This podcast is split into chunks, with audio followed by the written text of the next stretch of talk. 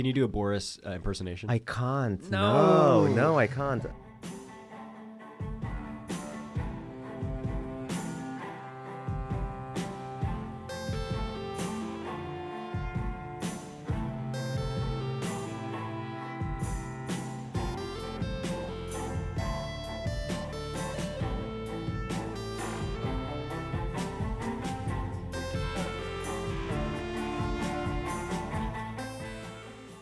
Three and a half years have been taken almost exclusively by this question What do you do with the land border between Northern Ireland and the Republic of Ireland? During the referendum, I remember this very few discussions about this, and each time people advocating for leave said, This is simple. We'll just solve this in day one, on day one. No need to worry about this. We've been worried about this for three and a half years now. So the, the, the problem is that the island of Ireland is divided into Northern Ireland and the Republic of Ireland. Northern Ireland is part of the United Kingdom. There have been a lot of problems in Northern Ireland, uh, especially about identity British identity versus Irish identity. The, the, the, the region is still um, split. There are people who identify as British and who are in favor of the Union, and there are people who identify as Irish and would prefer to join the Republic of Ireland into one big republic that covers the entire island of Ireland. There have been tensions, there has been violence. One of the reasons why the violence has stopped, and why one of the reasons why they were being, they were able to reach a, a, deal about uh, the violence in Northern Ireland in the 90s, was the promise that there is no reason to choose. There is no reason to make a choice between being Irish and being British. There's no reason to choose whether you want to go with the UK or you want to go with the Republic of Ireland. Because the UK and the Republic of Ireland are both in this big union. And the discourse was always this is an ever, clo- ever closer union. So at some point, the, the question of whether you're in Northern Ireland or in Ireland will be similar to the question of whether you're North Carolina and South Carolina. Sure, it matters. There will be some differences. There will be some specificity in Northern Ireland and some specificity in, in the Republic of Ireland but it doesn't really matter which side of the border you are, really. It's not worth caring about this because you're still part of the same European Union, just like you'd be part of the US in Northern and South, uh, North and South Carolina. However, with Brexit, all of a sudden, that changes. All of a sudden, with Brexit, you have different countries that are no longer in, in an ever closer union, that are now very separate. And the discussion was, well, do you introduce a border? Because the border between the land border between the Republic of Ireland and Northern Ireland will now become the external border of the European Union. So what do you do with that? And and and the current deal about the uh, the, the terms under which the UK leaves the European Union says that well there will be no border. The land border on the island of Ireland between Northern Ireland and Republic of Ireland will be unchecked There'll be no infrastructure, there'll be absolutely no enforcement of the border, there'll be nothing. People will be able to move freely between Northern Ireland and the Republic of Ireland. Moreover, Northern Ireland will stay in the regulatory zone of the European Union. All European regulations will apply to Northern Ireland. However, there will be a kind of border on the Irish Sea which separates Great Britain from Northern Ireland. In effect, there will be what is currently called soft administrative checks on all goods that are transported from Northern Ireland to Great Britain and back. Mm.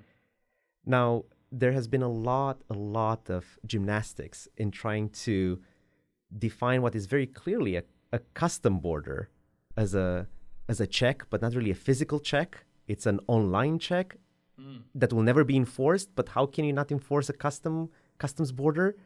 Uh, there, there is still a lot of debate about that, but according to the treaty that has been published on Monday, it's quite clear that there will be a customs border in the island of Ireland, which means that there's a customs border in the country. It's like there there would be a customs border between North Carolina and South Carolina. You'd have to fill in an export sheet to move a truck from North Carolina to South Carolina. You there could be checks on the truck, and a lot of people in the in the UK dislike that a lot. A lot of people in Northern Ireland dislike that a lot. The the main party in Northern Ireland, that's represented in the UK Parliament, has been very very upset about the fact that they they see themselves as being cut off from the union. They see themselves as being left over and abandoned.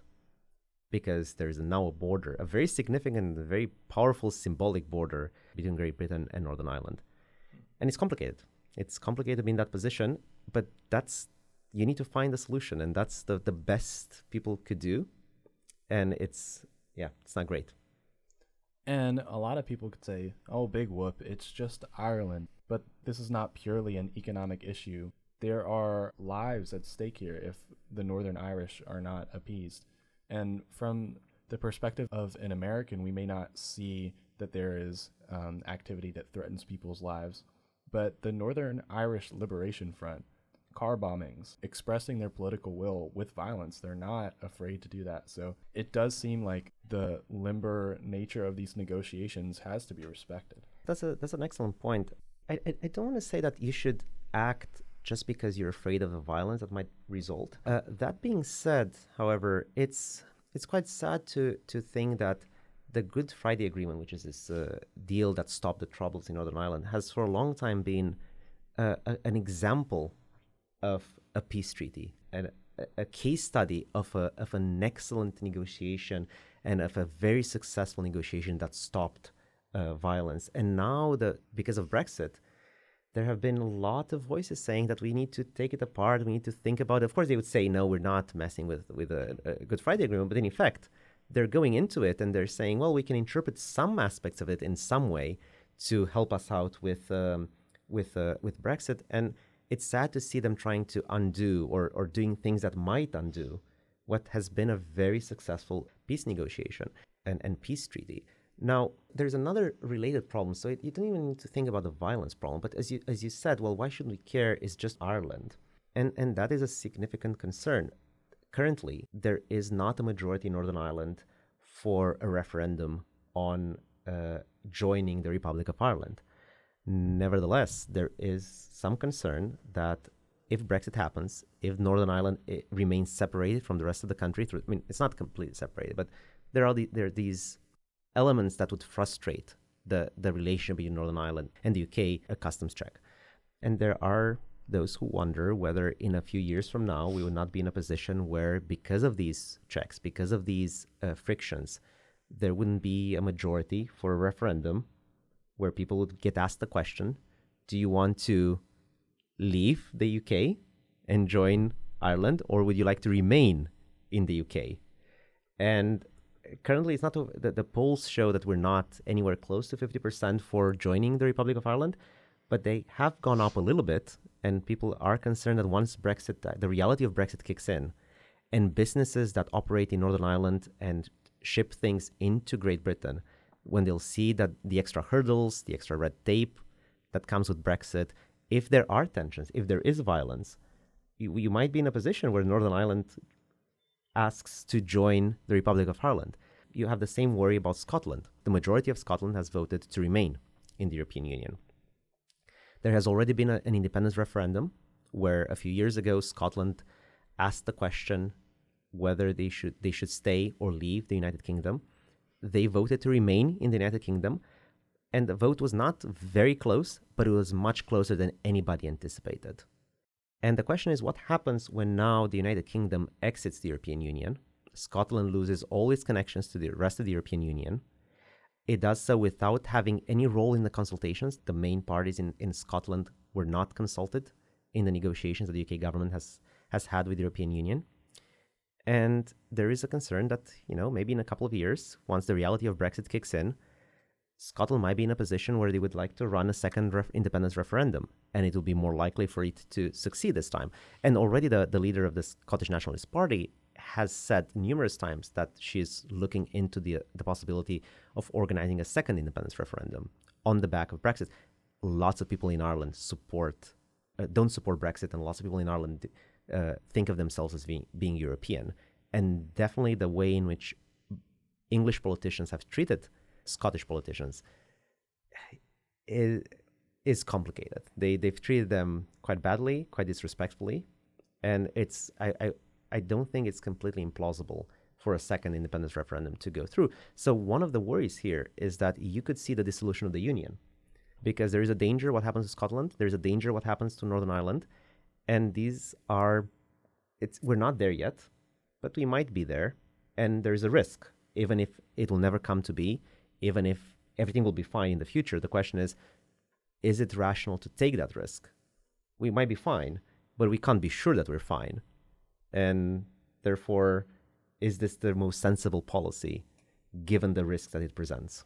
Wow. Yeah, that's fascinating. So I have a sort of two-parter. So like knowing all that we know now, do you think Britain will leave the EU and if there is another referendum, do you think this time Britain will say we don't want to leave?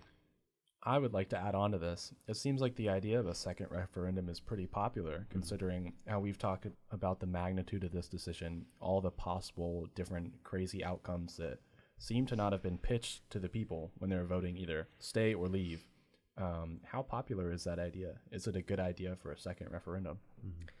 So the the idea to to have a second referendum is popular very hard to define what popular means because so first of all there have been some polls all of them suggest the country is pretty much split it's unclear whether the second referendum would deliver a majority for remain and if it does deliver a majority for remain it's quite clear it will not be a significant majority so there is a 52-48 split for exit in 2016 what if it's a, a 51-49 for remain now is that a strong enough mandate to uh, cancel the, the first referendum? Hopefully. Because, well, I mean, it's, it's complicated because, of course, if it if it if there's another referendum and it's 90% to 10%, sure, you remain.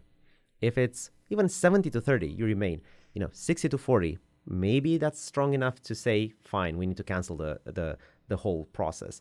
But if it's 51-49, which is very likely, uh, that's that's complicated nevertheless, there is a movement. Uh, there have been protests, there have been petitions. Uh, the petition to have a second referendum, I think, has been the most signed petition in the history of the UK. It's, I think it had close to six million signatures. Uh, there was a protest this weekend in London. Um, uh, I attended that protest. We were, I think, over a million people. The the the, the UK authorities don't don't publish uh, crowd estimates for these protests, but uh, there have been a few a few few newspapers that have tried to estimate the the crowd size, and there are different methods. I think the most conservative estimate was 1.1 million, and the most generous estimate was 2.2 million people. This is the third protest that's that's that was over a million people in London, and I think the fifth significant protest about Brexit, if not more. I Can't remember exactly how many there have been, but quite a few. Did you have a sign when you were there? I didn't, unfortunately, not this time. What were some good signs that you remember? Uh, a lot of swear words. Oh, really? a significant amount of swear words. Um, a, a, lot of them uh, aimed at Boris, um, uh. the, the, the British Prime Minister. Now, I, th- I think that a theme of most signs was you promised us unicorns and this is shit. I think that was the theme of a lot of signs. And then there were a lot of kids at these protests, and uh, and and the kids' signs were usually this is not in our name, this is not for us. You're not taking our our well-being into con- into consideration. But the signs were great. Yeah. Were there any about the fact that he said he would rather die in a ditch, and like were they like, go no, ahead or anything? No, I, I, I I haven't seen one. That would have been. You should go. You should go for the next one. I'm pretty sure there'll be a next one. So you should go the next, next I'll, I'll, I'll, take. Yeah. I'll take you with me next time, and we'll do a a, a, a nice a nice sign about uh, about the ditch. Uh, I, I think there's a, there's a nice line today. So there's a debate today in Parliament, and someone noticed, one of the MPs noticed that uh, Boris has ditched the, the ditch oh. because he's accepted uh, to to ask for an extension. So when he said I'll rather in the ditch, well, actually, you've just asked for an extension, so you've ditched the ditch. you ditched it. I don't know. You, you you have to take pleasure in the little things. Of course, in, in, in, yeah. this mess. So um, so there is a movement for uh, for a second referendum. I don't think there's a political movement for a second referendum, but there's definitely a, a, a public movement for a second referendum. the The problem with with a second referendum is that you've already had a referendum, and you might not like the result of the first referendum, but that's not how referenda in elections work. You can't just have another one if you don't like how the first one went. Uh, you don't go again and, and, and try until you get what you really want. That's that's not a good way of doing things, and that's dangerous as a rule in the long run because this can be exploited in horrible ways. Now, of course, the the the counter argument that the the second referendum campaign is is making is, well, sure, but the but the first vote was on remaining or leaving without any details on what it actually means to leave.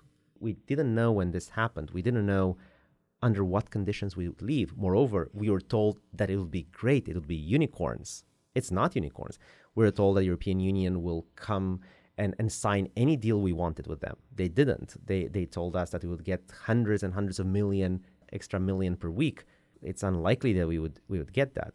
Uh, they told us the Northern Ireland will not be a problem. There will never be a border in the Irish Sea. Well, apparently there will be one. So the argument that they are making is well, now that we have some details, now that we know exactly what Brexit looks like, what it really is in the fine print, shouldn't we go back and ask the people if they're fine with this? Because we could, you could say we can interpret the first vote as the first vote is a mandate for us to seek a Brexit. And given that Boris is now prime minister, you can argue because Boris was a, was one of the big um, defenders of Brexit uh, you can say he definitely did his best. He definitely took this seriously. He was not a Remainer who uh, j- had a negotiation for show and tried to get the worst deal possible to show everybody that you can't do this proper. Even though he did do that. Well, you, you can say that you had in po- you had in po- power, or you currently have in, in office, people who are strong advocates for leave. People who said that this is what we need to do. This is what will make Britain great and they've had their go and this is what they came back with there's now a deal there are 400, pa- 400 pages of legal text telling you under what conditions the uk will leave the european union shouldn't you go back to the people and say is that what you'd, you'd like or do you want to stay you gave us a mandate to go and, and get this now we've got it it's not great there's trade-offs it's complicated there are some things that will hurt but we've done it and we've did, we did our best. Let's let's see if you if you if you still agree that this is a good idea. If you still like this, and if you do, okay. If you don't, then then fine. Uh, to which the, the the the comeback is well, what will happen with people's trust in institutions if you promise that you give them the choice, they choose, and then you ignore it and you try to frustrate it in different ways, and then the the question of how you do a second referendum. So putting aside the the the, the, the philosophical point about democracy, the way in which you'd run a second referendum is not neutral because there are multiple options. You can do a second referendum where you ask people between to choose between remaining under the current conditions or exiting with Boris's deal. You can ask them would you prefer to exit without the deal or exit with Boris's deal? Or you can ask them, would you prefer to exit with this deal, with this deal plus this amendment, with this deal plus this amendment, with this deal plus these amendments, or something else? It's not neutral how you ask the question.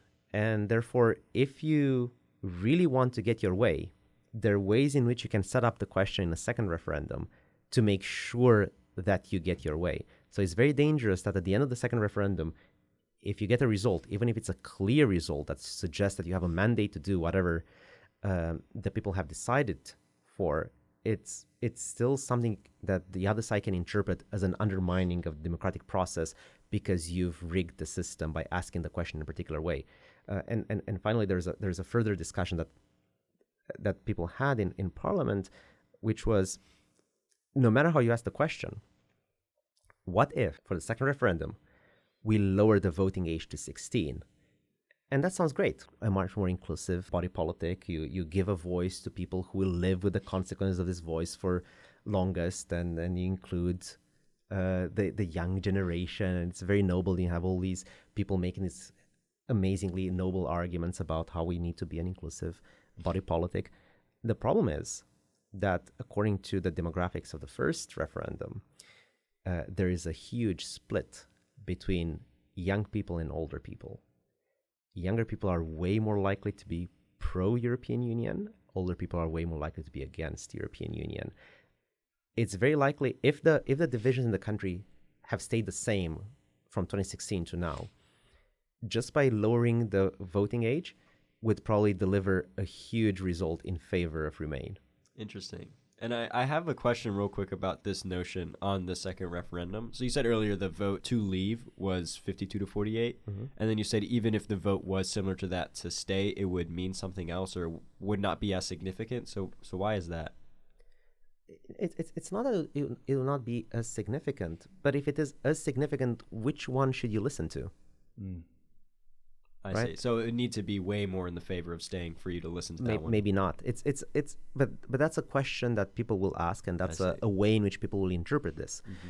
Because if now we're more towards remain, but just a tiny bit, Yeah. why should we remain rather than leave? Uh, why should it go with the first, vo- the second vote rather than the first? I see. Shouldn't should we do two out of three maybe? it's it's it's very dangerous to go that that path. It's very dangerous because it would create a precedent through which, in the future, whenever we don't like the result, we can do another round. And if the question was very close, if the if the result of the vote is very close, if you run it sufficiently many times, you will get your result. Hmm. And it's not clear that you'll, you'll have more of a man- mandate to remain if you now have 52 for remain than you had the mandate for leave when you had 52 for leave. I see. Yeah, it's interesting. Even even when we consider the fact that we have more information now onto what would happen if we left, that could still just muddy the waters more. Right. Rock, paper, Brexit, man. Uh. It seems like this is one of the core problems with allowing a second referendum that we seem to be violating some principle of democracy. That when we vote on something as a nation, we stick by that, whether it's good or bad. It's in American history, certain presidents that we've elected, whether it be Andrew Jackson or Tyler, that do stuff that they do not promise in their campaign, or in Tyler's case, completely flip parties, um, we would just recall and have another election if we didn't like the outcome. It seems very intuitive that whether or not all of the people in a nation are voting or how accurate a vote is, you have to stick by it. Otherwise, democracy loses some legitimacy. Do you think this concern is prevalent surrounding the second referendum? My reading is that it is. I, I think there are quite a few people who would like for the UK to remain in the European Union, who would still like to see this Brexit happen because they would feel it'll be undemocratic to stop it now. It'll be undemocratic to reverse the result of the referendum. They lost. They think this is a, a horrible situation for the United Kingdom. But nevertheless, you'd be in a way worse situation if you would undermine the democratic process. And some of them even argue that you go through with this, you Brexit, and then you try to create a, a, a movement, you try to create a constituency, and you try to go back Yeah. and rejoin the European Union.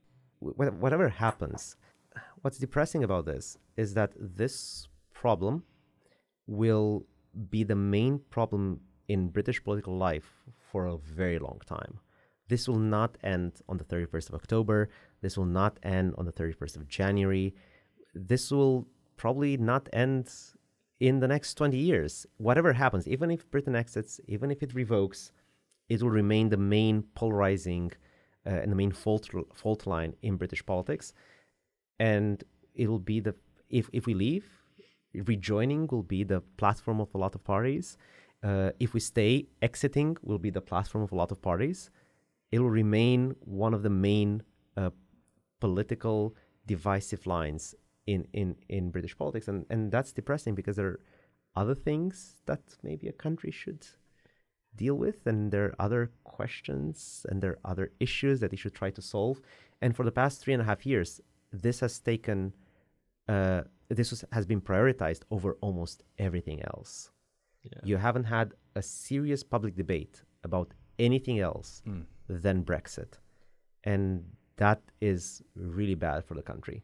So issues like losing jobs to mechanization, issues like increasing rates of poverty, you're definitely worried then that Brexit will dominate the discussion and the political platform other than addressing these issues? I'm pretty sure that's Yeah. probably what will happen. And and it's I mean you, you- can just look at the fact that Boris is now seeking an election. It's not his to give, so Parliament has to approve uh, an election, but he's now seeking an election. What will this election be fought on? It will be fought on whether to remain or or, or to leave the European Union, and if to leave, under what deal. After, after Brexit happens, or after Brexit is cancelled, parties will either argue that we should try it again and leave. There already, there's already a party in the UK called the Brexit Party, which has one policy, which is in its title. They want to Brexit, and and they will continue to want to Brexit even if Brexit is cancelled. I think they will be more successful if Brexit is cancelled. So once you have the party that ar- argues for Brexit, what will happen is the other parties in the UK will have to enter into a competition for voters with this party. If they are a single policy party, we need to exit the European Union.